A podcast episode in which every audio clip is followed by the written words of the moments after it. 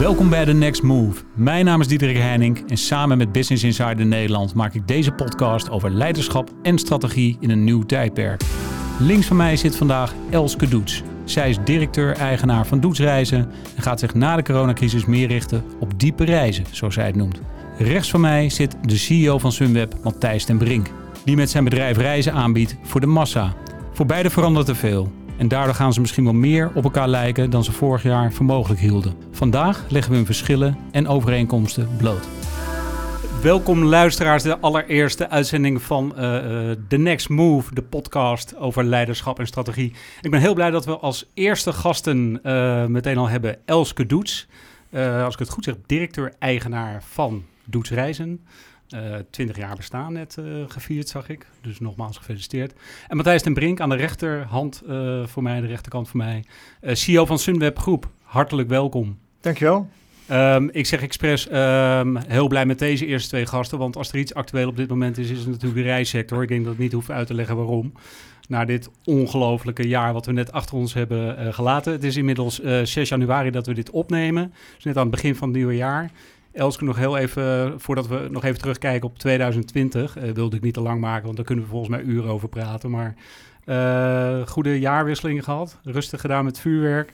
Keurig aan alle regels gehouden, dus uh, ja. in een klein gezelschap gevierd. Normaal vier ik het in Dubai, oh. dit jaar niet. Nee, dat zat er even niet in. Ja. Nee, hoewel ik wel wat mensen hoorde die daar nog heen gingen, want die zeiden dan tegen mij, ja, dan kun je nog zo lekker feesten. Toen dacht ik, nou, ja. oké, okay, dat klinkt ook niet onverantwoordelijk. En maar heb je, heb je even vrij ook uh, gehad? Of uh, als ondernemer is dat natuurlijk altijd lastig, maar... Uh, beperkt. En ik was ook bezig met mijn Academy, dat is een non-profit initiatief. En ik had daarvan de finale vorige week met 60 kandidaten. dat was ook een prachtige nou ja, dag. En de dagen daarna moest ik de beslissing nemen wie de winnaars werden. Leuk. Ja, de Young Lady Business Academy. Ja, ja, heel veel talent. Prachtig. Mooi om te zien, ja. Matthijs, uh, en jij? Heb je nog even vrij kunnen nemen? Of, uh... Ja, ik heb wel een paar dagen, nooit helemaal alles uh, uitgezet, maar proberen een beetje weg te leggen. Je merkt wel dat doordat je veel kleinere groepen ontvangt, dat je niet twee, maar een stuk of zes kerstdagen hebt. Dus ja. het was veel in de keuken en nou ja, op een gegeven moment ben je daar ook wel een beetje klaar mee. Kun je een beetje geroken?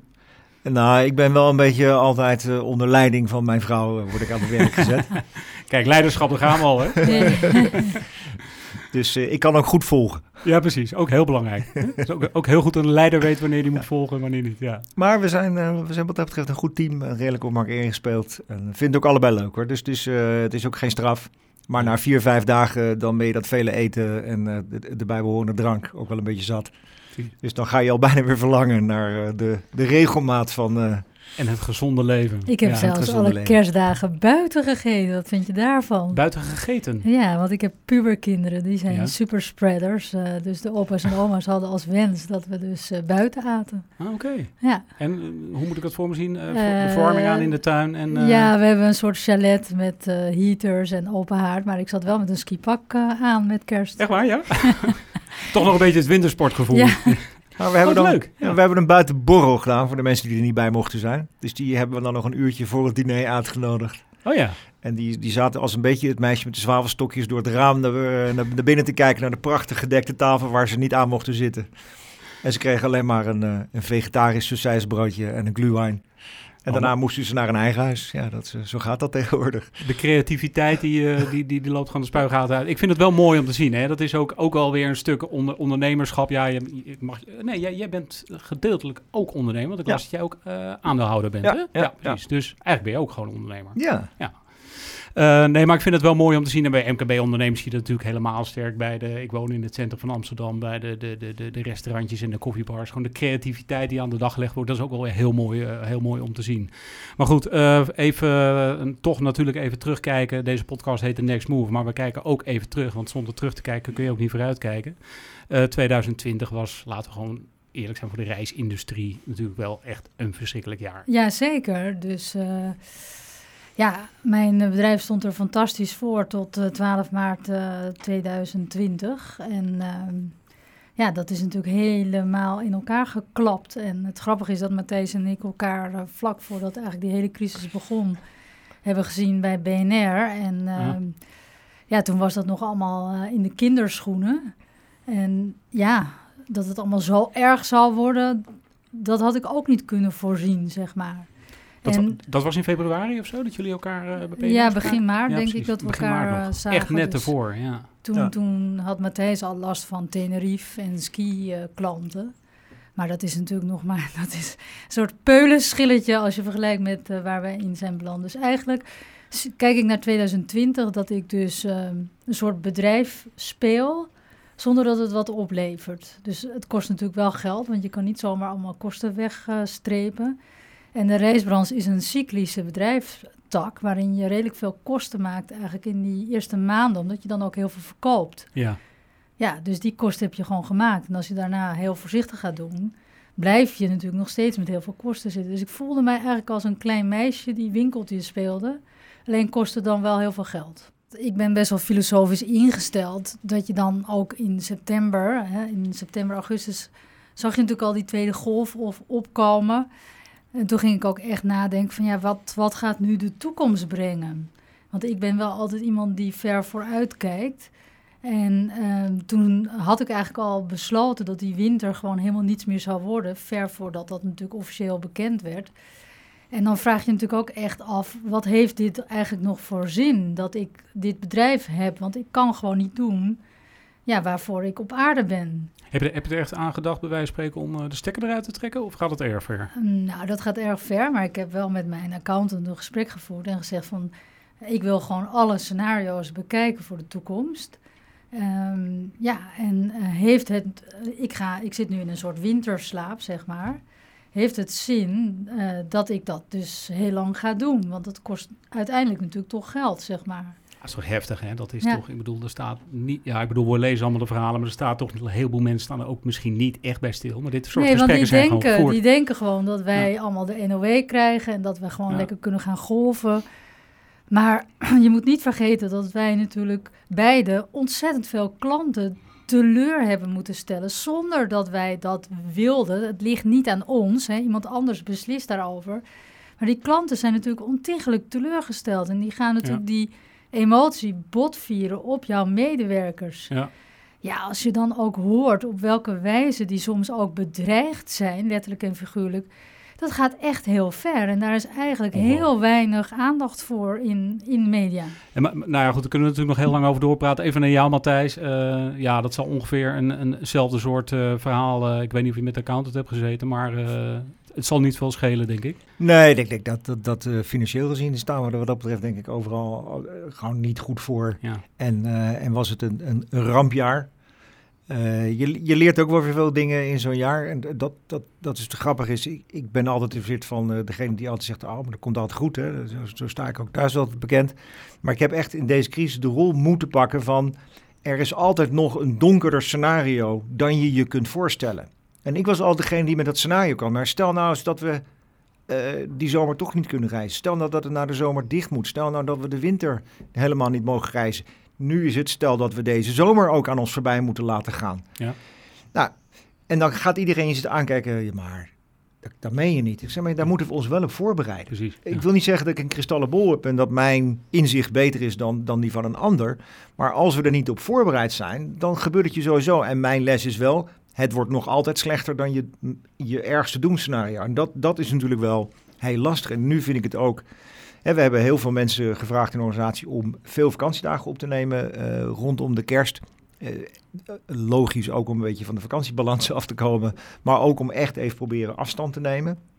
Nou, je hoort nu heel veel mensen komen dan met een soort van nieuwe energie terug. En eh, 2021 eh, roept. Ik vond mooi de, de, de column van Tommy Wieringa... die het nieuwe jaar vergeleek met een landsgrens. Ja, En de, de, Ja. de, de bomen en de velden veranderen niet... maar toch is er iets veranderd en lokt het avontuur. Maar het avontuur is er niet. Want we mogen nog steeds geen reizen organiseren. We mogen nog steeds niet doen waar we zo blij van worden... namelijk mensen die geweldige ervaring bieden. En, en dan is de kans op een soort van depressie... veel groter nog dan vorig jaar. Dus ja, hoe moet ga je daar realistisch dan mee zijn. om? Ja, ja, realistisch zijn in de verwachting. Hè? Dat Ja. is, eh, en, en wat je zegt, soms misschien nog liever een negatieve scenario eh, schetsen, want dan kan het alleen maar meevallen. Het is natuurlijk wel zo, het vaccineren is nou ja, toevallig vandaag echt begonnen, dus dat geeft natuurlijk wel weer wat perspectief. Alleen ja, eh, voordat we op voldoende immuniteit zitten, ben je natuurlijk ook twee kwartalen verder waarschijnlijk. Ja. Maar ehm, heel, heel kort nog even over eh, de eh, afgelopen jaar bij jullie allebei. Want eh, bij jou las ik nog in een eh, interview eh, afgelopen week, geloof ik. Jullie zijn eh, teruggegaan naar eh, 329 mensen, als ik het goed eh, zeg. Nee, ietsje meer. Oh, sorry. Eh, we hadden er 500 zoveel, zijn Ja. nu denk ik ergens rondom de 390, 380. Oké, ja. En dat zal nog wel wat minder worden. Gewoon ook door vooral nu natuurlijk verlopen. We hebben de grote reorganisaties wel achter de rug wat mij betreft. En dat is ook wel een beetje de kern. Hè? Weet je, als je daar verder eh, aan gaat zitten morrelen, ja, dan moet je je de vraag stellen die, die Elske ook stelt van ja, moet ik dan nog wel doorgaan? Ja, Weet is je, de want dan-. Ja, want eh, we gaan er toch vanuit dat, dat het ooit weer goed komt. eh, op een manier. En dan moet je die al dezelfde mensen weer gaan zitten aannemen. En dat is, dat is natuurlijk ook niet verstandig. Dus je moet toch proberen met deze klein, zo klein mogelijke kern die winterslaap uit te zitten.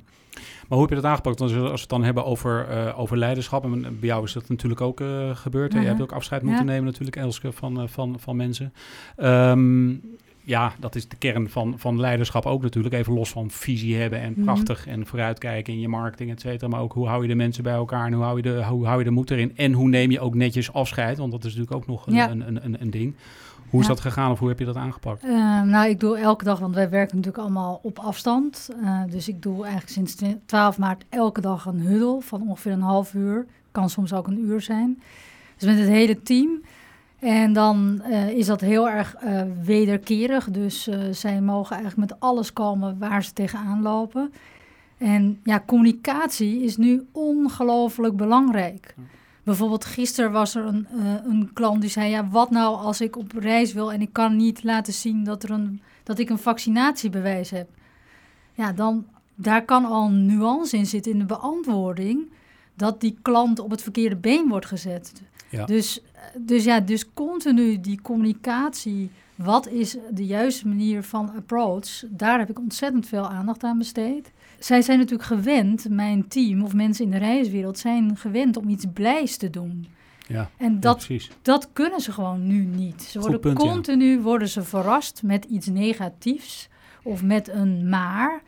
En daar moet je ze enorm in eh, begeleiden. En ja, dan zie je dus dat mensen die soms heel lang heel waardevol zijn geweest voor jouw bedrijf, vaak op commercieel vlak, in zo'n situatie een dode vogel worden. Ja. Dus zij, zij, we zijn eigenlijk allemaal in de branding geworpen door, door deze crisis.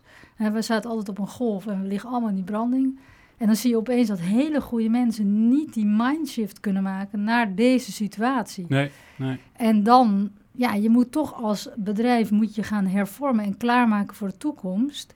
En de meest flexibele kunnen door. Ja, ongeacht hoe lang ze bij je werken. En kijk, als er elke keer bepaalde mensen zijn die een bepaalde weerstand hebben tegen deze situatie, helpt dat niet voor de rest van het team. Nee, Nee. Dus die mensen heb ik dus ontslagen en dat is heel heftig. Ja. Eh, ik heb nog nooit mensen moeten ontslaan, misschien één keer of zo. Ja. Maar die hadden dan iets gedaan wat niet eh, wat mocht. Dus daar was ook een goede reden voor. ja, precies. Dus dat is heel heftig. Dus daar lig je Ja. echt wel wakker van Ja. eh, s s'nachts. Dat Ja, je dat dat- moet gaan doen, dat gesprekje. Ja, dat snap ik. Ja.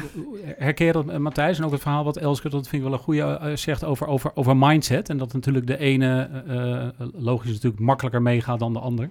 Nee, dat is, dat is absoluut zo. Je hebt, je hebt mensen die heel erg dat kantoor en die aanwezigheid missen. Je hebt mensen die heel slecht met onzekerheid kunnen omgaan. Eh, je hebt mensen die gewoon ja, moeilijk met slecht nieuws omgaan en, en, en met weinig perspectief. En, en alles wat er tussenin zit. En je hebt mensen die eigenlijk altijd vrolijk en fluitend. eh, daar moet je ook altijd een beetje mee oppassen. Want die onderschatten dan nog wel eens Ja. wat er aan de hand is. Opportunisten. Dus je hebt, Ja. je hebt de hele schakering. Kijk, wij hebben in de reorganisatie iets wat minder vrijheid met, met de ondernemersraad en alles. Eh, dus wij moeten ons netjes ook eh, aan eh, afspiegelingsmechanismes en zo houden. Jammer, hè? Nou nee, ik vind het ook, dat hebben we niet voor niks met elkaar verzonnen in Nederland, weet je. En dat, dat maakt het ook objectief en eerlijk. Maar we zijn daar heel goed met elkaar uitgekomen. En we hebben echt wel, we zijn ook dieper gegaan dan we noodzakelijk vonden. Ook om de ruimte te creëren, om ook nieuwe mensen binnen te halen. Dus we hebben ook best wat mensen ook weer aangenomen in de afgelopen maanden. Bedoel je dan, en kijk je dan ook naar een, een, een nieuw type mens? Als ik Een nieuw type mensen. Dus we hebben ook heel erg gekeken van. Hè, we zijn heel vroeg in de, in de crisis, eigenlijk al vanaf begin april begonnen met hoe ziet de wereld eruit na de crisis en daar onze strategie op geschreven. En vanuit die strategie zijn we nu aan het terugwerken. Wat kunnen we dan nu al in gang zetten om straks succesvol te kunnen zijn? En daar hoort dus ook een ander type mensen met andere capabilities bij. We zijn mensen gaan bijscholen, omscholen, uh, gaan trainen. Uh, om, om maar te zorgen dat, dat uiteindelijk als, als die grenzen weer open gaan, dat we dan ook echt kunnen gaan doen wat we, wat we zouden moeten doen en willen doen. En, en dat heeft gelukkig ook geholpen in de acceptatie van zo'n reorganisatie. Het was niet alleen maar botsnijden uh, om, om nu het te overleven. Het was ons voorbereiden op iets moois waar iedereen ook in gelooft. Precies. Um, En daarnaast hebben mensen zelf de plannen gemaakt. Dus ik, ik heb geen plan gemaakt. We hebben echt bottom-up alle besparingsplannen gemaakt. En ik vond het ongelooflijk dat mensen willens en wetens hebben meegewerkt aan het opheffen van hun eigen baan. Ik, ik kan daar zo'n bewondering voor hebben dat, dat iemand zegt van ja, nou, ik heb de hele afdeling uh, zo georganiseerd. Ja, nou, dan ben ik niet nodig. Wat dat, ook dat echt niet onbelangrijk is, is ook heel erg open te zijn over de consequenties van deze crisis. Dus vanaf het ja. begin heb ik dat ook met ze gedeeld. Ja. Wat het betekende. Uh, zodat ze dus ook echt wisten wat de impact van deze crisis was. Ja. Uh, sowieso ben ik al heel in, transparant daarin, altijd. Uh, maar dan zien ze dus ook ja, dat, dat het dus nodig is. Ja. En dan als je eenmaal schoon schip hebt gemaakt, om het even zo te zeggen, hoe moeilijk ook, dan moet je ook wel echt weer opnieuw met elkaar beginnen. En dan vind ik het wel heel moeilijk dat je dus niet bij elkaar bent. Ja. Want dan moet je op afstand met elkaar een, een, opnieuw geboren worden, terwijl je eigenlijk in een soort van rouw zit. Exact, ja. Met ook nog een onzekere toekomst nog steeds natuurlijk. Ja, die ook dat, niet dat is heel is. moeilijk. Ja. En ik vind het Ja. ook voor mensen die bijvoorbeeld geen partner hebben, die dus alleen wonen, Ja. is deze situatie. Hè, zij zitten dus nu tien maanden thuis.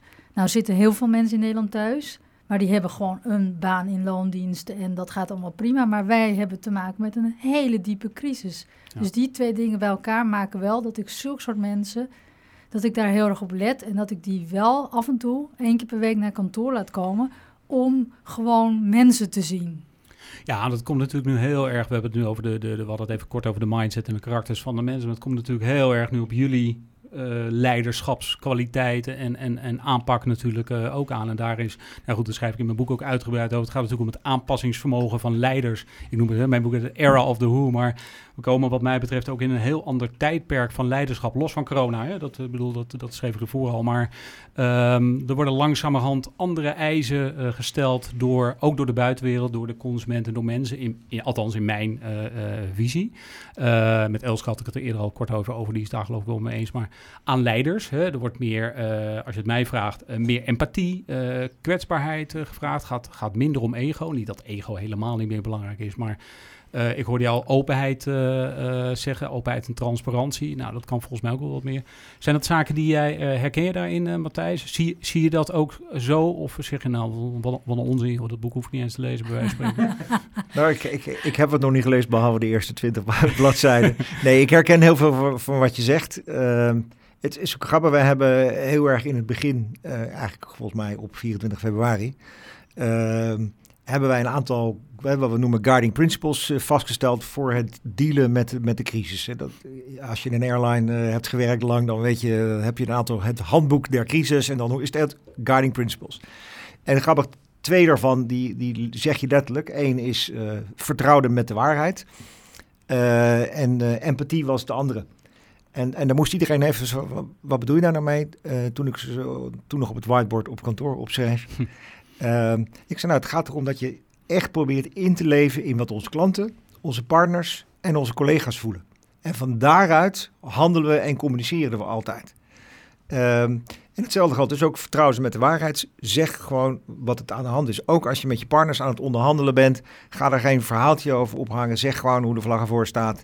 Neem ze daarin mee en vertrouw dat ze dan ook uiteindelijk het goede doen. En, en ik denk dat dat, dat ongelooflijk belangrijke principes zijn die veel verder gaan dan deze crisis. Maar het gaf mij eigenlijk een hele mooie gelegenheid, nog relatief nieuw in de organisatie, om ook meteen die twee punten uh, zeg maar meteen neer te zetten. Uh, en die, ja, die gebruiken we nog steeds eigenlijk. Dus die, die gaan de crisis ook overleven en worden onderdeel van de cultuur van het bedrijf. Ja, het zijn eigenlijk wat meer de, de, de feminine, en dat is dus geen man-vrouw discussie, maar de meer feminine eigenschappen hè, die, uh, die een grote rol gaan spelen. Ja. Elske, jij bent het daar uh, volgens mij wel mee eens, we hadden het er al even kort over, maar hoe ja. zie jij dat? Ja, je hebt in zo'n crisis natuurlijk uh, feminine en masculine allebei nodig. Want die, als je alleen maar in dat feminine blijft hangen, dan worden er geen beslissingen genomen. Je moet ook wel pijnlijke beslissingen nemen en daadkrachtig zijn. En vooral durven vooruit te kijken. Absoluut. Ehm, maar ja, ik ben het daar zeker mee eens. Ehm, ja, die in de ogen kijken, dat doen we dan nu digitaal. Dat is ongelooflijk uh, belangrijk. En op zich vind ik wel die non-verbale communicatie via een scherm. kan je nog wel heel goed doen. Want als je in een, in een zaal zit met elkaar, of wij doen het altijd in een kring. dan kan je veel minder goed de, de oogopslag van iemand zien. hoe ze reageren op iets. Dus dat, op dat punt vind ik dat dan weer iets positiever. Hoe, hoe, hoe organiseren jullie dat, Matthijs? Je zit natuurlijk met, een, uh, met, met, met nog meer mensen, ja. uh, veel meer mensen. Um, hoe gaat dat en wat, wat krijg je daar voor feedback uh, terug van, van de mensen? Hoe het, het digitale, het zoomen, et cetera, hoe dat gaat? Nou, dat, dus we, we, hebben het echt moeten leren. wat werkt wel, wat werkt niet. met hoeveel mensen werken, welke vorm, welke vorm niet. Dus we vertrouwen ook heel erg op de, op de feedback die we ook steeds krijgen. Uh, en die vragen we ook heel bewust en dat nemen we dan ook weer mee. Uh, ja, ik, ik moet wel wat meer vertrouwen op de, de gelaagdheid van de organisatie. Dus we hebben dan een, een, groepje, zeg maar, dat noemen wij het senior leadership team, de man of twaalf. Nou, daar kun je in alle openheid alles delen wat je wil. en daarmee kijken we dan oké, wat, wat zijn dan de kernboodschappen waar we verder de organisatie mee willen? Dan pakken we een iets grotere groep, daar delen we die kernboodschappen. Die mogen daar dan nog wel heel uitgebreid vragen over stellen. Dat gaat dan ook nog net goed in zo'n groepje. En dan doen we uh, de week later, dat doen we dan eens in de drie weken, wat wij noemen een town hall. En dat is uh, een uur voor de hele organisatie, uh, ook uit alle landen. En dan, nou, dan pakken we drie onderwerpen en daarna is dat een soort van vragenronde. En je ziet wel dat daar de vragen over het algemeen beperkt zijn. Dat vinden mensen dan toch spannend. Ja. Dus je moet ook zorgen dat die in die kleinere settings naar boven komen. En dat ze dus daar, dus ik probeer heel erg die context te creëren. Uh, waarmee dan zeg maar andere mensen in organisaties in hun teams uiteindelijk ook gewoon kunnen delen wat er, wat er aan de hand is en wat er ook gevraagd wordt. Ja. En dat, ja. dat gaat steeds beter. Maar nogmaals, het, het blijft echt nog nog continu oefenen. Maar dat geldt overigens ook voor fysiek vergaderen. Dat is ook kunst. En, en uh, ja. als je het hebt over andere type leiderschap, dat, ik denk ook dat, dat je andere soorten vergaderingen krijgt. Soms moet je die ook aan elkaar trekken. Een vergadering waarin je gewoon agenda gedreven, actiepuntjes, gewoon doek, doek, doek, doek, doek. Ja, die moet je niet vermixen met zullen we eens even achterover leunen en het eens even over de toekomst hebben. Nee, die moet je aan elkaar trekken, in ieder geval in de tijd. En soms ook wel met een aantal andere mensen in een andere setting. Uh, nou, dat zijn allemaal dingen die je dan geleerd hebt in, uh, in, je, in, je, leven en die je nu heel goed kunt toepassen. Ja, en ook niet standaard altijd een meeting. Want ik, ik heb ook uh, jaren nog wel een aantal jaren in loondienst gezeten. En werd er standaard altijd een meeting van een uur ingeschoten. ingeschoten ook. En, en maar ook standaard, ja, die en die en die en die moeten erbij zijn. Terwijl ik dan wel eens zei, ja, maar die en ik zelf hoef daar volgens mij helemaal niet bij te zijn. Want, maar, dus dat, dat zijn ook van die... Ja, dus ik, ik roep ook altijd, als je het idee hebt dat je geen waarde toevoegt, dan heb je de plicht om, om dat te zeggen. Precies, ja. En er niet te zijn. Ja, ja, uh, ja, En ik heb de plicht om te zorgen dat je wel waarde toevoegt en dat je ook de ruimte krijgt om die waarde toe te voegen. Ja, goed. Ja. Uh, en dus wij brengen veel meer de mensen naar de onderwerpen toe dan de onderwerpen naar de mensen. Uh, nou, wat wel grappig is, dat ik 23 jaar geleden heb besloten om niet meer te vergaderen. Dus wij doen alleen maar een daily huddle fysiek hè, voor corona van 10 minuten, al 23 is jaar lang. Is dat een, soort stand-up, zeg maar? Ja, ja precies. Ja. ja. dat kan je met maximaal 50 mensen ja. doen. En dan moet je ah, gaan op uh, meerdere kringen gaan maken. Maar door corona uh, is het natuurlijk toch anders communiceren. Dus dat betekent dat de huddle eigenlijk uh, veel langer is geworden. Omdat er gewoon meer issues zijn. Uh, het is niet business as usual. En eigenlijk daardoor ook meer communicatie op gang is gekomen. Dus ja, dat is dan iets positiefs. Exact, ja. ja. Het is ook een spoedcursus digitalisering geweest voor een heleboel bedrijven natuurlijk. Ik hoorde ineens uh, vrienden van mij die bij gemeentes werkten. Nou, daarvoor mochten ze niet eens thuiswerken. Was allemaal lastig met IT, et cetera. Nu, uh, nu willen ze niet meer anders. Nou ja, niet meer anders niet. Maar in ieder geval een paar dagen per week vinden ze heerlijk. Dat hybride werken, dat gaat er natuurlijk ook wel echt gewoon uh, komen. Ja, dus ik heb uh, in mijn uh, nou ja, kerstboodschap wil ik het niet noemen, mijn kerstdronk op 18 december, nadat wij een digitale escape room met het hele bedrijf gedaan hadden. Ja. Waar ik overigens maar in de eerste fase ben blijven steken met mijn teampje. Dat was heel pijnlijk. Maar goed, Oh. dat er zijn. we even empathie tonen nu. Toen heb ik eh, een poging tot omdenken gedaan. En toen heb ik eh, gezegd, nou weet je, heel veel mensen zeggen...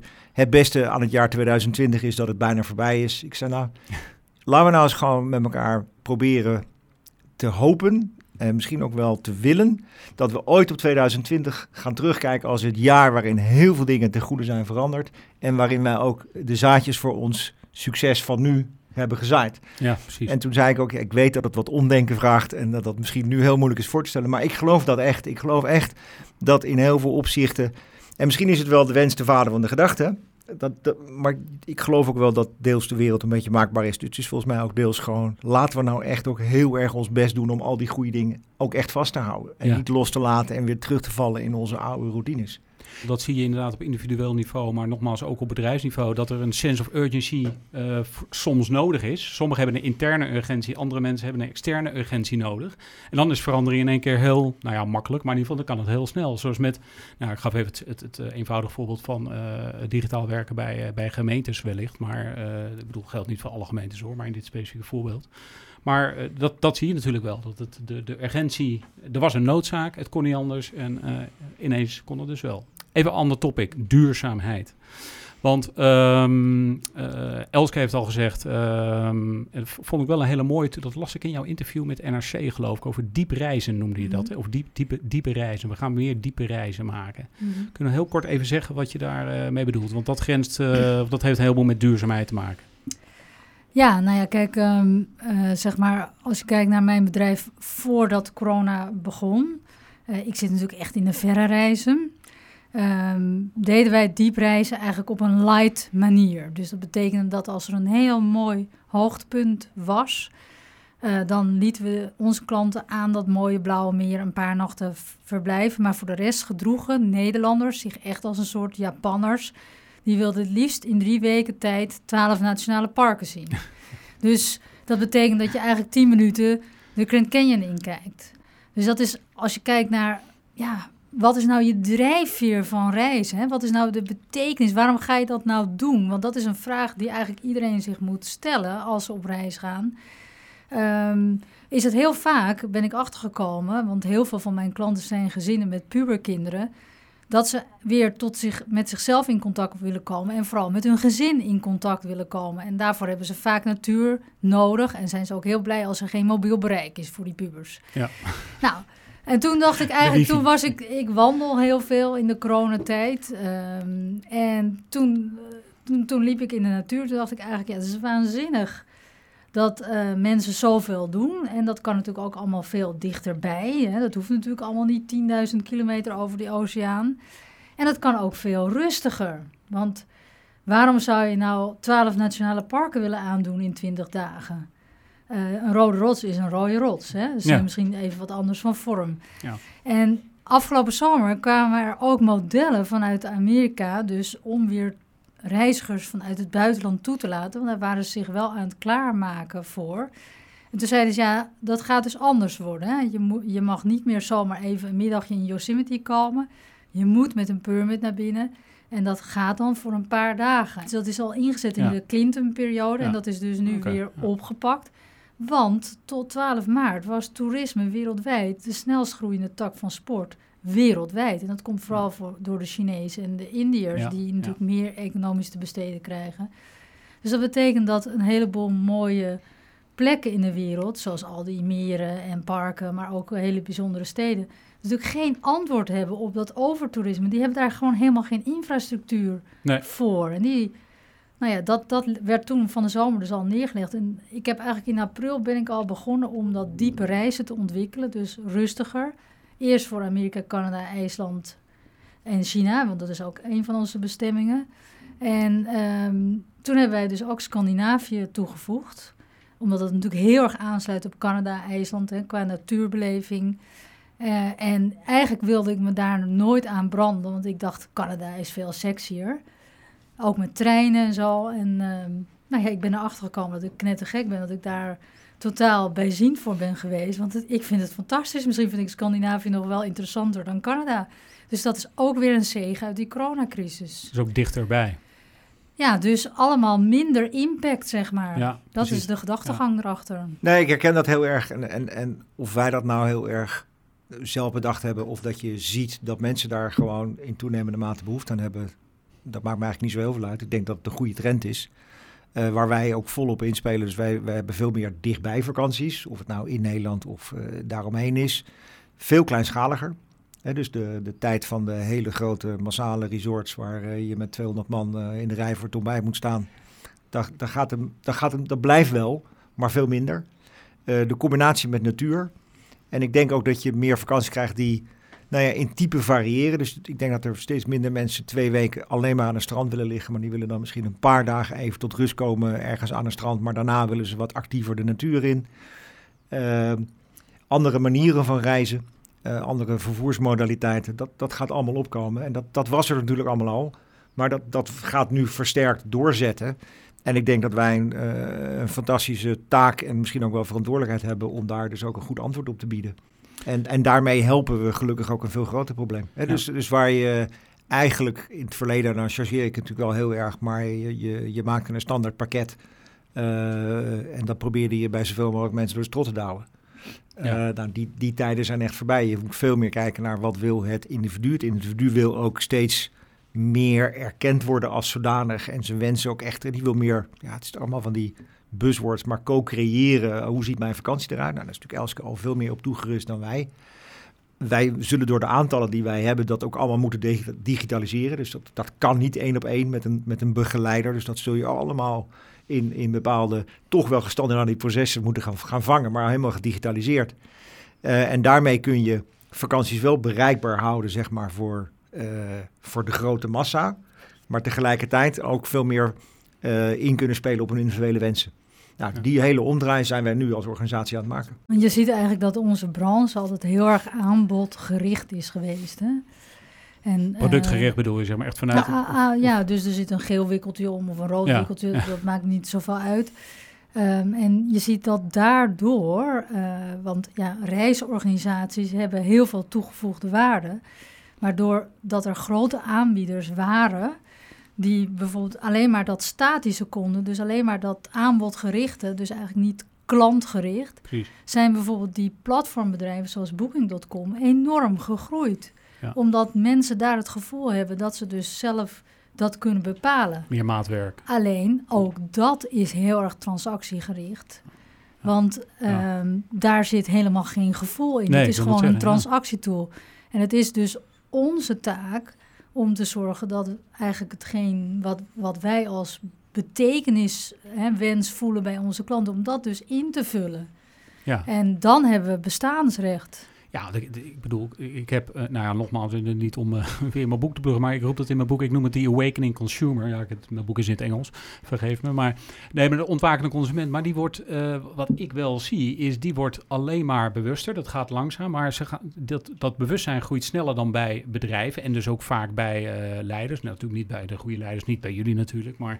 ehm, Dank je. die consument is, is gewoon aan het veranderen. En dan heb ik het niet alleen maar over Gen Z of de millennial, maar zelfs bij oudere mensen. Ik zie het ook in mijn omgeving. Bewustzijn, dus, dus eh, meer gevoel voor duurzaamheid, eh, eh, bewuste keuzes maken. Dat verandert wel gewoon, dus daar moet je gewoon op inspelen ook. En natuurlijk, dat zijn geen overnight processen. Dat gaat, dat gaat een paar gaan maanden en jaren overheen natuurlijk, maar het is al in gang. Dus, dus daar speelt dit ook allemaal wel op in. Ja, en, en dan, dat klinkt een beetje bot, maar het is natuurlijk een stuk makkelijker om de winkel te verbouwen als hij bijna dicht is. Dan als je vol in operatie bent en, en het geld bij wijze van spreken Ja. ook nog binnenstroomt. Dan, dan is die Precies, urgentie voor verandering er veel minder. En die is er nu en de gelegenheid doet zich nu ook voor. Eh, dus wij zetten daar ook echt, echt volop in om die verandering nu door te maken. Ik, ik denk dan ook als bedrijven in crisismodus zitten, wat bij een heleboel bedrijven, ja, dat zal bij jullie toch ook, ook gelden natuurlijk, is het dan wel makkelijk om die verandering ook te maken? Want je bent ook gewoon je huis op orde aan het brengen. Hoe, eh, hoe is die Nou balans? ja, nee, maar wat Matthijs zegt, alles ligt toch stil. ja, precies. Ja. Eh, dus eh, dan heb je eigenlijk twee opties. Stoppen Ja. of hervormen. Bij jullie is het ook wel in de Eh, reissector dus- wel heel extreem natuurlijk. Ja, Ja, en eh, iets wat misschien de buitenwereld niet zo herkent in de reiswereld, is dat wij eigenlijk altijd heel erg moeten reageren op dynamiek. Wij Mhm. hebben altijd te maken met dynamiek. Is dat niet een extern iets, dus een natuurramp? Nou, nu hebben we dan corona.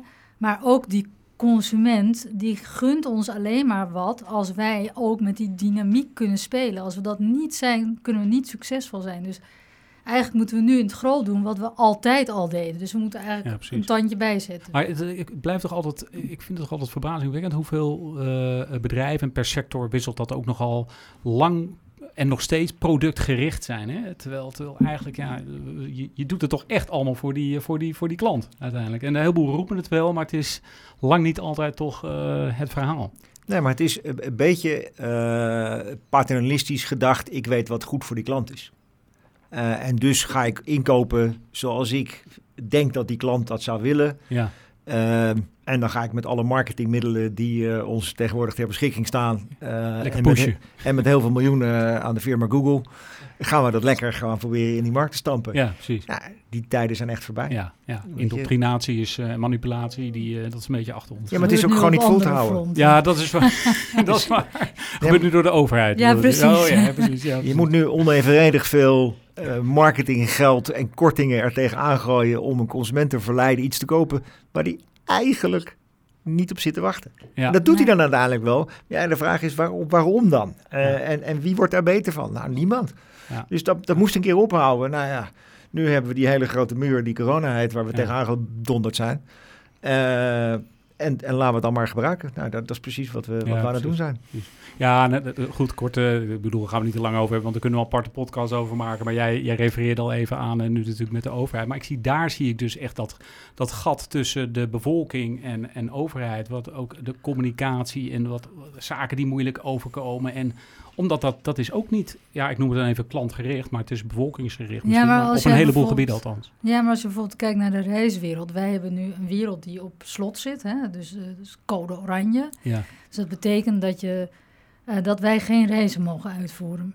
maar er zijn nog steeds heel veel Nederlanders die gewoon beslissen om te gaan. Omdat ze dan zeggen, ja, dat doe ik niemand kwaad precies. mee. Ja, precies. Maar ze beseffen niet dat op het moment dat ze daar op de IC raken, dat de kosten wel voor henzelf zijn. Ja. En het stoort mij mateloos dat toch elke keer die mobiliteit er is. En dat dat ook weer een vertraging geeft in het mogelijk herstel Ja.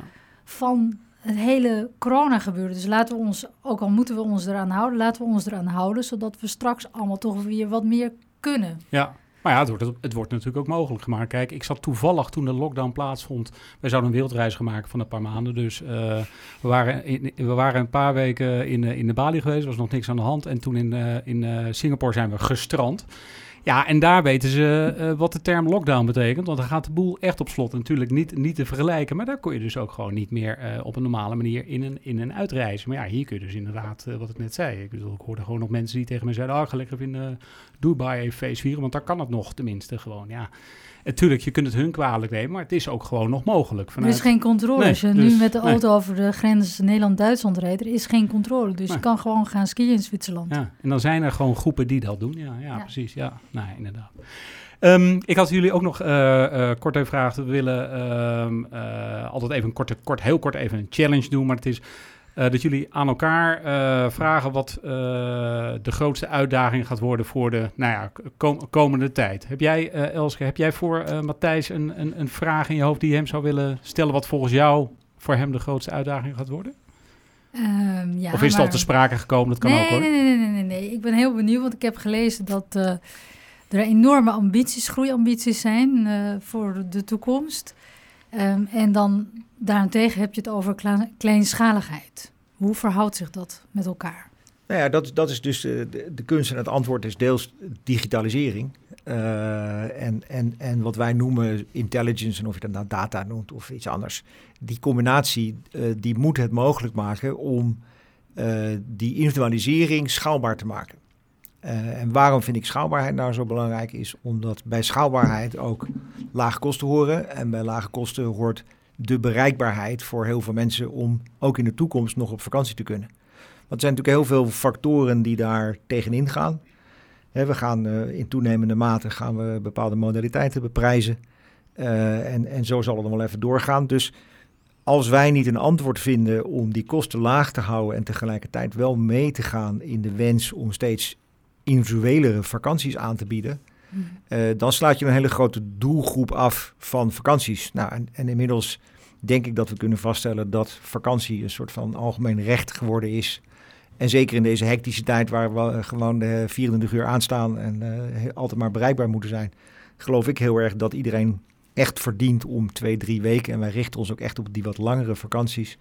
Om even eruit te stappen met zijn of haar geliefden en even afstand te nemen. Nou, daar willen wij heel graag uh, meedoen. En dan, dan, is het enige antwoord is dat digitaliseren en heel goed gebruik maken van, uh, van de intelligentie die, die je als bedrijf hebt. En daarmee hebben we ook de ambitie om steeds meer zeg maar, over de hele reis heen onze klanten te helpen. Dus niet alleen maar zeggen, nou weet je, we bieden een bed en een stoel en misschien nog een verzekeringje. Maar we gaan ook veel verder kijken van hoe kun je nou die hele vakantie optimaliseren op basis van de wensen van de klant. Nou, nogmaals, dat kan alleen maar als je het digitaliseert en als je je, je achter, oh ja, hoe heet dat, back-office, ik probeer een goed woord voor back-office te vinden, maar goed, je back-office processen ja. heel goed voor elkaar hebt. En je ook een heel betrouwbaar partner-ecosysteem hebt die daarin mee wil gaan. Nou. Ja, maar daar ben ik benieuwd naar, want dat kleinschalige sluit natuurlijk niet echt aan op een enorme massale groei in aantallen. Hoe ga je dat met elkaar matchen? Nou, daar heb je dus ik heel erg dat je techniek nodig Nee, dus- hebt, dat is dus- evident. En je hebt partners nodig. Hè? Dus eh, wij zijn niet in staat om eh, in een klein dorp eh, precies te weten wat wel en niet goed is. En welk restaurant je wel of niet moet eten. Welke excursie wel of niet veilig is. En het, ik denk ook altijd maar zelf als consument. En mijn zoon die wil tegenwoordig op elke vakantie paragliding doen. En eh dat vind ik allemaal prima. Maar, eh, en ik wil het ook nog wel betalen. Maar ik wil wel zeker weten dat het veilig is. Hoe weet ik nou dat het veilig is? Nou, dat weet ik niet op afstand hier als, eh als Ik heb daar lokaal partners nodig die me, die me daarin helpen. Om te zeggen, nou die wel, die niet, want die ken ik. Dus je zult dat partnersysteem nog veel verder moeten uitbreiden. En ik geloof ook niet dat we daarmee eh, heel veel extra bestemmingen zullen gaan toevoegen. Eh, misschien zelfs wel ook gaan inperken. Ik denk ook niet dat we het aantal partners heel veel groter zullen maken. Misschien juist wel inperken. Ik denk ook niet dat je heel veel partners nodig hebt om toch heel veel mensen blij te maken. Want iedereen kan daar dan binnen dan nog steeds heel veel keuzevrijheid hebben. Maar dat partnersysteem gecombineerd met digitalisering eh, en intelligentie eh, en heel goed naar die klant luisteren, dat, dat zijn wat mij betreft de drie ja, pijlers waarop eh, deze beweging gerust is. Een van, die partners is eh, eh, van een iets andere orde dan eh, wat je net zei. Een lokale partner die je daar helpt met events en eh, natuurlijk ook KLM. Die, die hebben gezegd dat ze, als ik het even goed zeg uit mijn hoofd, die gaan vluchten tot binnen een straal van 700 kilometer vanaf Amsterdam. Volgens mij gaan ze kijken of dat ook met alternatief vervoer kan. Hè? Dus meer trein, openbaar vervoer. Is dat nou zaken nog die voor jullie heel veel impact hebben of maakt dat eigenlijk niet zoveel uit? Nee, ik denk dat we daar juist hand in hand gaan. Wij doen overigens vrijwel geen zaken met KLM, maar Oh, de, Nou, dochter, partner de dus. dochter Transavia. Ja, precies. Oh, ja. Ehm, en die vliegen sowieso al niet korter dan, eh, dan 1000 kilometer, weet ik nog eh, ja. van vroeger. ja. Ehm, maar ik denk dat we daar juist eh, heel erg hand in hand moeten werken. om te zorgen dat we nou ja, de, de negatieve impact van het reizen zoveel mogelijk terug gaan dringen. Dus ik denk dat wij daar ook een hele grote rol in hebben. Daar waar het gaat over het contact met onze klanten. En onze klanten bewust maken van de keuze die ze maken. En ze dus ook een alternatief bieden. KLM heeft natuurlijk eh, een massa steun gehad eh, van, de, van, de, van de overheid. Het is natuurlijk ook een al- heel ander model. Die hebben de vliegtuigen en eh, et cetera. Dat snap ik ook wel. Dat is een ander soort, soort bedrijf. Maar kijken jullie daar dan nog met enige jaloezie naar? Of, of dat je zegt, nou, eh, wel Het is een belachelijk? of- lening, of, hè? Ze moeten het Nee, terugbetalen. klopt, klopt. Dus Ja, eh, ja. het is pure noodzaak. Ja, precies. Dus dat is gewoon een... eh, ja. Vooralsnog in ieder geval. Hè. Dat is natuurlijk de vraag hoe, in hoeverre ze nog eh, natuurlijk ook door kunnen Er zetten. zal, Maar- nog, er zal nog meer Ja, geld bij ja. moeten. Ja, Ja, ik vind nou dat je heel erg moet vergelijken. Je moet denk ik vanuit je eigen kracht uitgaan. ja. En ja, wij zitten ook in een specifieke situatie. Eh, en dat zal dus ook om specifieke hulpmaatregelen eh, vragen. Ja. Nou, daar zijn we ook over in gesprek. Ja. Maar dat zegt niks over of KLM wel of niet. Het is toch een, een echt een ander beest met, een, Ja, eh, ja, met zijn eigen dynamiek. En ik denk dat elke airline eh, wereldwijd gesteund wordt door de overheid. En er zijn airlines die krijgen dat van de overheid. ja. Maar in de meeste gevallen is het gewoon een lening. De vraag is natuurlijk, kunnen ze dat ooit terugbetalen? Dat is natuurlijk de grote vraag. Ja, en ik heb het een tijdje geleden, maar zo een paar maanden geleden, uh, een luchtvaartexpert, een internationaal, een Amerikaans luchtvaartexpert, die zei volgens mij in de toekomst uh, kunnen airliners helemaal niet meer zelfstandig uh, bestaan. Die moeten eigenlijk allemaal gesteund worden door de overheid. Nou, in Singapore Airlines zit natuurlijk ook de, de overheid bijvoorbeeld zwaar in, weet ik dan, van toen ik daar zat mm. natuurlijk. Die hadden toevallig net voor corona daar nog even een paar miljard ingestoken, geloof ik in alle middel, Midden-Oosten maatschappijen is dat zo? Is, is dat inderdaad een Bij de Amerikaanse carriers is dat inmiddels dus ook zo. Ja, ook allemaal. iedereen heeft daarmee te maken. Ja, precies. Maar dus het is, het is nooit een vrije markt geweest. Er zitten, hebben altijd heel veel beperkingen gezeten over hoe je wel en niet kunt vliegen en van waar naar waar. Ja. En dat is deels gewoon overheidsgedreven. Het is altijd onderdeel geweest, in ieder geval in de ogen van heel veel overheden, van de, de essentiële infrastructuur. En zo is het ook altijd behandeld. Ja. En dat daar omheen dan een aantal uh, vrijbuiters uh, uh, ontstaan zijn, vind ik alleen maar mooi. Ja. Maar het is nooit een, een, level playing field geweest. Nee, precies. precies. Nee. Welke vraag zou jij Elske willen stellen? Had je er een? Of is, de, is, is die ook al langsgekomen? Nou, hij is al een beetje langs, langsgekomen. Maar ehm, en we hebben het gehad over, over andere type leiderschap. We hebben het denk ik ook over gehad over wat er nodig is in de, in de reiswereld. Eh, ik denk deels vanuit uh, de klant gedreven en veranderende klantgedrag, maar deels ook inderdaad vanuit duurzaamheid. Um, ik denk dat we het over eens zijn dat daar een ander type leiderschap voor nodig is. Maar de vraag is, gaat het snel genoeg en hoe zouden we dat, uh, misschien met de lessen die jij geleerd hebt, ook in je eigen bedrijf en wat je onder andere ook in je non-profit uh, organisatie doet. Hoe zouden we dat kunnen versnellen, die beweging? Hoe zouden we versneld een ander type leiderschap in de reiswereld kunnen krijgen om de uitdagingen die ons uh, te wachten staan uh, beter aan te kunnen? Nou, dat vind ik een prachtige vraag. um, ja, ik denk dat, uh, dat het ontzettend goed is dat hè, jij en ik hebben ook aardig wat media-aandacht gehad over onze corona-ervaringen en aanpak. Maar voor de rest is het toch best wel stil. En merk je dat er toch wel een soort klaagmodus is, waarin heel veel mensen in de reiswereld terug willen schieten in die oude reflexen. En ik denk dat, dat, dat die dialoog, die jij en ik dus al aan zijn gegaan in onze eigen, eigen organisaties en ook met de buitenwereld dus, ja, dat die branchebreed gewoon veel meer prominent op de agenda moet komen in plaats van ja, klagen en terugschieten in de oude reflexen. Want dat is niet de, de juiste aanpak voor de toekomst. En wat zou een platform kunnen zijn om dat, om dat te doen? want als ik kijk even met alle respect naar de, de, de agenda van de jaarvergadering van de AVR, dan, dan is dit niet een thema wat daar nou heel uh, prominent uh, op voorkomt. Nee. Ja, dat, dat vind ik dus ook heel erg moeilijk, want um, ja, daar, daar, het leiderschap daar is natuurlijk heel erg het in de plooi schieten van het proberen te dienen van, nou ja, iedereen, maar daardoor bedien je eigenlijk niemand, zeg maar. Dus ik denk dat daar, uh, dat daar wel uh, andere stemmen moeten komen. Ja. En ook toegelaten moeten worden. En um, ja, het is natuurlijk doodzonde dat als je dus een blik op de toekomst hebt, um, dat, en dat je daar dus een, een beeld over schetst, dat daar dus heel erg defensief op gereageerd wordt. Dat vind ik gewoon doodzonde. Ik ben ontzettend blij dat, jij stond ook in het artikel gisteren in het NRC, hè, met over, over toerisme en ook over deskundigen over hoe kunnen nou grote steden omgaan hè, met uh, andere manieren van toerisme die beter zijn voor iedereen. Ja, dan denk ik dat is, is eindelijk eens een stuk wat diepgang geeft. Hè? Waarin een beweging is gecreëerd door kennelijk wat jij en ik ook roepen in de media. Maar dat zou gesteund moeten worden. En uh, uh, ja, die stemmen zullen ook veel meer gehoord moeten worden en niet gehoond moeten worden. Ja. Kijk, Matthijs komt natuurlijk uit de luchtvaartwereld, dus jij bent eigenlijk ook niet hoe noem je dat? Uh, ik kom een beetje van buiten. En uh, ja, ik ben jurist van origine, maar onze branche is eigenlijk een soort verzameling, met alle respect, van allemaal blije mensen. Een soort Mickey Mouse, die allemaal elkaar napraten, die eigenlijk niet uh, kritisch willen praten of kritisch willen nadenken over een negatieve impact, hè, wat wij veroorzaken door heel veel mensen op reis te sturen. Mm -hmm. Hoe kunnen we dat nou keren? ja, daar, dat, vind, dat is dan moeilijk. Dat, dat, daar willen ze dan niet over hebben. En dat, dat vind ik jammer, want ik denk dat we daarmee zoveel meer volwassenheid en ook kracht laten zien... dan onze ogen er maar voor te sluiten en te lachen.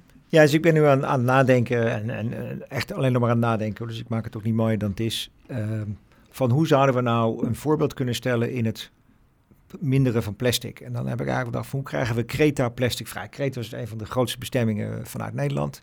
Uh, ik denk dat er geen reisorganisatie is, nou misschien met uitzondering van de jouwe, maar die daar niet af en toe mensen ook heen stuurt. En hoe krijgen we nou de handen bij elkaar en, en vormen een partnership ook met uh, de mensen op Creta?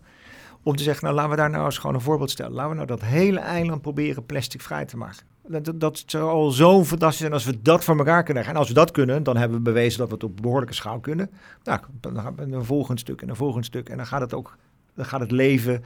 Nou, en die discussie zouden we, die zouden we nog veel meer met elkaar moeten hebben. Maar we zitten ook nog wel gevangen in ja, we zijn concurrenten van elkaar. Ja, Precies, dat is de belemmering. Want dan, en denk ik, ja, je, kan je, op dit vlak kan je samenwerken. Ja, je moet elkaar niet beconcurreren. Je helpt de sector daarmee ook, ja, precies. Ja. Ja, ja. Dus ik heb het heel bewust er, was ook veel discussie over intern en ik weet ook nog steeds niet of ik het dan nou goed gedaan heb.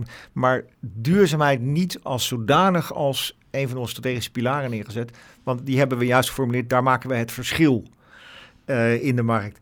Maar ik wil duurzaamheid, daar wil ik het verschil niet mee maken. Ik wil met iedereen samen iets beter doen voor duurzaamheid. Nou, en dat is best een moeilijke balans. Uh, ook, ook om intern uit te leggen. Dus daar krijg ik ook nog best veel kritische vragen over. Maar dit zijn dan wel een aantal voorbeelden die, die zouden helpen. Uh, dus ook elke suggestie van hoe pak je dat nou aan en hoe schaal je dat nou en hoe krijg je daar nou ook gewoon de handen van elkaar. En misschien is het nu ook wel een beetje vroeg, nu we nog allemaal in winterslaap en in doodstrijd zitten. Ja. Maar ergens moeten we natuurlijk wel zo'n zo'n ja. Nou, een voorbeeld, Matthijs, uh, is bijvoorbeeld dat een, een, frisdrankproducent, uh, die heeft natuurlijk plastic verpakkingen, die heeft een machine uitgevonden. Uh, en daar hebben ze natuurlijk ook octrooi op, om dat dus op een heel duurzame manier te doen. En die heeft besloten om dat dus te delen met zijn concurrenten. Daarmee haal je heel veel PR. En daarmee doe je uiteindelijk de wereld goed. Ja.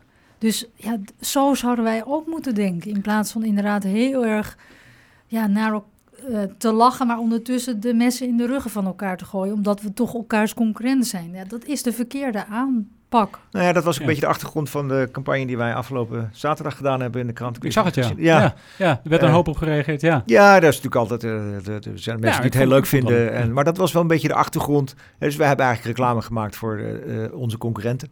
Uh, we hebben het gewoon netjes gestolen van Burger King, die dat uh, gedaan had voor McDonald's. We hebben ook netjes Burger King genoemd. Van ga ook even langs bij Burger King, want daar hebben we het idee gestolen. Ja. Uh, en dat is precies vanuit die achtergrond, jongens. Laten we nou eens ophouden met alleen maar te beconcurreren. Natuurlijk, weet je, als die markt open gaat, dan gaan wij er ook voor. En uh, dan doe ik me echt niet heiliger voor dan, dan de rest. Maar er zijn een aantal onderwerpen waar we elkaar keihard nodig hebben of dan wel kunnen ondersteunen. En dit is er één van. Ja, want vroeg of laat, het, het wordt heel vaak vanuit cannibalisatie uh, gedacht. Of uh, inderdaad, we worden, of, of, of, concurrentie wat je zegt. Dus cannibalisatie, ja, we, we gaan onze eigen omzetten onderuit halen. of, of concurrentie. Maar ja, vroeg of laat, de kentering komt toch. tenminste, laten we eerlijk zijn, dit is volgens mij een redelijk onomkeerbare ja, trend die we nu zien met, met de duurzaamheid. Uh, dus die komt toch. Dus ja, laten we het allemaal met z'n allen oppakken. En, uh, en, en misschien wordt de taart ook nog wel wat groter daardoor. Maar dan op een duurzame manier. Want we willen niet weer om te veel gaan.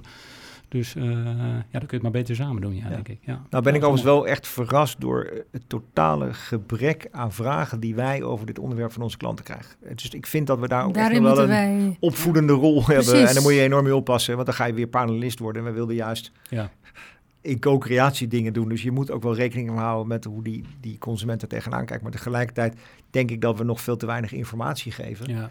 over de impact van wat, wat we met elkaar aan het doen zijn. Dus ik denk dat we daar wel een hele belangrijke rol hebben. Is die informatievoorziening, die bewustwording. Uh, en op die manier eigenlijk een vraag creëren en vanuit die vraag dan ook gaan handelen. Want dan die, die vraag creëert dan ook de urgentie bij je partners en in de hele keten. Ja, ja. Ja, en dan trek je misschien ook weer een ander type klant mee aan. Dat, dat ook, dus het is bewustwording bij je bestaande klanten, maar je, je, je boort misschien ook nieuwe klantengroep aan. Dat zou zo Die nu kunnen. ergens anders zitten misschien. Ja. We gaan langzaam afronden, maar ik heb eh, eh, nog twee dingen. Eén eh, wilde ik even kort vragen, kunnen we kort houden. Van, van Elske weet ik al een beetje, want die volg ik ook op Instagram. En dan zie ik fantastische video's voorbij komen. Maar even op persoonlijk leiderschap, dat gaat natuurlijk ook over hoe blijf je fit. Mentaal, mentaal fysiek. Mhm. Nou, daar ben jij. Ja, ik zie je al helemaal lachen. Jij vindt het een fantastisch onderwerp. Nee, maar daar ben jij volgens mij. ik zie regelmatig in je trainingskleren een videootje op Instagram rondlopen. Dat doe ik bij een personal trainer. Ja, precies. Ik heb al eh, twaalf jaar een personal trainer. Oh, want ik heb drie prioriteiten in mijn leven. Dat is zeg maar in willekeurige volgorde mijn gezin, mijn bedrijf en mijn lijf. En that's it. Oké, mooi. Eh, dus, eh, en ja, het heeft mij, als je heel veel reist, nu kan dat dan niet. Dat is een enorme aanslag op je lijf. Ja. Zeker ook met tijdverschil. En als je dan ook nog heel veel moet doen, moet je echt fit zijn. En dan is dus bewegen en dan even gemarteld worden door zo'n man vaak. eh, dat is ontzettend goed, want dan kan je niet meer over zaken praten. ja, precies. En eh, nu doe ik dat de hele tijd buiten. En dan gaan we ook altijd eh, 10 minuten mediteren. Gaan we vaak bosbaden, dus dan ga je helemaal plat liggen. En naar de sterren kijken, want nu Ja. is het donker als ik sport. Ja. Dus, dus ja, dat is heel goed. Dus mentaal en fysiek, daar werk je heel hard aan. Ja, Zeker. ja. Mooi. En jij, Matthijs? Ja, je, je, staat Ja, vaak ik- in de keuken, dus jij moet ook eh, hardlopen waarschijnlijk en eh, sporten. Ja, ik heb mijn hele leven eh, gesport. Eigenlijk altijd al heel fanatiek. En het is altijd lekker dat je die basisconditie gewoon houdt. Ja, dus dat is voor mij een hele lage drempel. Sinds een jaar ook met een personal trainer. Nu even niet. Vanwege mijn blessure en het feit dat het wat ingewikkeld is op dit moment. En ik denk daarnaast je, weet je, je, je ik geloof heel erg hè, in, in het oude COVID met zijn circle of concern, influence en control. ja. Weet je, ik kan wel heel erg druk gaan maken over dingen waar ik geen enkele invloed op heb. Nee. En dat, dat kan ik vrij makkelijk wegzetten en zeggen, nou ja, ik ben heel erg geïnteresseerd wat er allemaal gebeurt om me heen. Maar ik weet ook dat ik er geen invloed op heb. En dan, dan kan ik ook echt me, me beperken van waar heb ik dan controle over, waar heb ik soms ook invloed op. En laat ik daar dan mijn energie en mijn positiviteit op richten. Ehm, in plaats van, nou ja, me heel erg zorgen te maken over Wat je toch niet kunt wat ik toch niet kunt beïnvloeden. en dat helpt voor mij heel erg toch om een, om een vorm van rust eh, voor mezelf te creëren. Waarvan ik ook merk gelukkig dat die ook afstraalt op mensen om me heen. Eh, en ik probeer ook gewoon deze les van, joh, ik ga, probeer het ook gewoon op die manier bijna schematisch te maken. Van ja, waar kan je dan wel aan werken? Ja. Eh, en, en, en dat is nu denk ik juist belangrijk, nu mensen nou ja, in die after New Year depressie dreigen terecht te komen wegens het gebrek aan vooruitzicht. Van nou, waar kunnen we dan wel aan werken? Waar, waar kunnen we dan wel Precies. het verschil in gaan maken. Ja. En dat geeft dan weer nieuwe energie. Dus dat, dat, dat, helpt mij heel erg om dat verschil zo te maken. Ja, je, je, je doet het niet specifiek met mediteren of, of yoga of, of, of dat soort... eh, nou, heel af en toe. Ik, eh, ik heb ooit een workshop van Wim Hof, de Iceman, Oh. gedaan. Ja, Eh, ja, nou dus ik heb ruim drie minuten in een ijsbad gelegen. En, eh, en ook, en daar gaat het vooral over ademhalen en het stoppen van je ademhaling. ja. Eh, nou, dat doe ik nog heel af en toe. Oh ja, Eh, ja. Op een soort van meditieve muziek ben je dan een half uur, drie kwartier bezig. En nou, Ging, dat, ging dat makkelijk? Of de, de, de, instappen in dat ijsbad stappen? Of? Nou, je bent een hele dag hier op aan het voorbereiden. Ja, Ehm, maar uiteindelijk is het gewoon, ja, ook daar, het, het is wat het is. Ja. Weet je, ik heb er geen invloed op, ik zit erin, ja, je kan het er eigenlijk uit. Maar als je doet alsof je er geen invloed op hebt, Ja. ik, ik lig in dat water en dat is zo. Ja, En ik ga gewoon wachten tot hij me zegt dat ik eruit mag. Daar heb ik geen invloed op. Nee. Nou, dan kan ik me daar ook aan overgeven. En hij leert je dan ook dat het normaal is dat je lichaam de niet-essentiële delen laat afstoten of laat afsterven. Dus dan weet je dat je handen worden op een gegeven moment koud en je voeten worden koud. Dat is oké, want die heb je niet nodig. Weet je? je Ja. hebt alleen maar je hoofd en je hart nodig. En op het moment dat je zo het soort van, en dan word je bijna meditatief. Ja. En dan kun je er eigenlijk eindeloos in blijven zitten. Tot je Ja. bij wijze van spreken ook gewoon doodgaat. Dus dat is goed dat hij zegt, oké, klaar. Ja, dat is wel mooi Ja, wat je dat daar... eh, ja, precies. Dus heel als leider wil je natuurlijk altijd aan touwtjes trekken. Hè? Dus Ja. dat iemand anders eigenlijk zegt van wat je moet doen, dat is heel ongebruikelijk als leider. Dus Ja. om dat dus een paar keer per week te doen, dat iemand anders over jou beslist en beslist hoeveel kilometer je gaat lopen, is ontzettend goed. Eigenlijk- Ook weer voor je Ja, mindset. het loslaten. Ja, nee, ik Ja. vond het wel een mooie wat je zei, Matthijs, Ja. inderdaad. Hoe je dat zei, dat, eh, dat, dat is ook een vorm van... eh, ja, ik kan het toch niet beïnvloeden, dus... eh, omdat die andere... Ja, in, in die omstandigheid had ik het nog niet gezet, maar dat is een goeie. Mooi. Uh, als afsluiting, uh, we hebben natuurlijk al heel veel over de, de, de komende tijd gehad en, en, en toekomst. Ik bedoel, het is een belangrijk onderdeel van, van leiderschap, uh, strategie. Dat is natuurlijk evident. maar de podcast heet ook The Next Move, mede daarom. maar ik wil ook altijd even eindigen met, nou Elske, dan ga ik met jou beginnen. Wat, wat is jouw next move? Dus je hebt al wat een aantal zaken verteld, maar is daar nog iets wat je uh, nu wil gaan uh, uh, zeggen? Um, wat, wat, wat, wat ga je doen? Dus wat, hoe ziet je toekomst eruit? Maar wat is ook concreet je eerste stap op weg daar naartoe? Daar ben je misschien al mee bezig. Je hebt het bijvoorbeeld over het diepe reizen en dergelijke gehad. Misschien ligt het nou ja, alles, alles is klaar, klaar voor de strijd. Maar mijn bedrijf is door een roosje.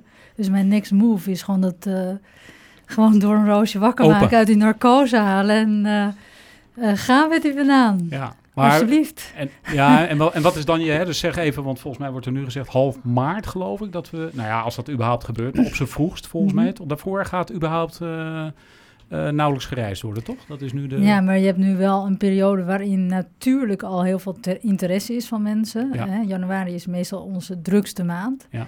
Dus of je nou in de drukste winter, maand, ja? Ja, qua boeken. Uh, als je, of je nou in winterslaap of niet ligt, dan gaat die interesse gaat toch wel opkomen. En dan is ook weer de uitdaging, hoe ga je dat managen met een kleiner team? Ja, dat is uh, natuurlijk ook een hele goede. Dus de, de, eigenlijk is nu mijn zorg, als die machinerie weer gaat lopen, hoe gaan we dat managen? Ja, ja goed punt.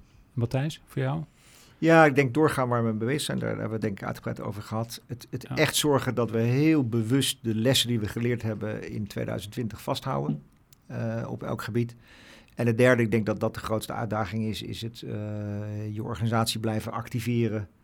Uh, met alles wat er, wat er nu speelt. En zich dus daarmee laat concentreren op hun circle of influence en een circle of control. en, en daar zorgen dat je er gewoon helemaal klaar voor bent. Helder. Mag jullie hartelijk danken voor jullie komst hier naar uh, Haarlem. Ik hoop dat uh, de slogan van mijn agency is open up. Nou, ik hoop inderdaad dat we met z'n allen snel weer open kunnen. zeker voor jullie en ook voor jullie business.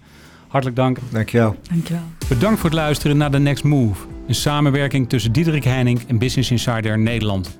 Vind je dit een leuke podcast? Abonneer je dan via Spotify, Apple Podcast of Google Podcast. Daar kun je eventueel ook een recensie achterlaten. En dan zeg ik Graag tot de next move.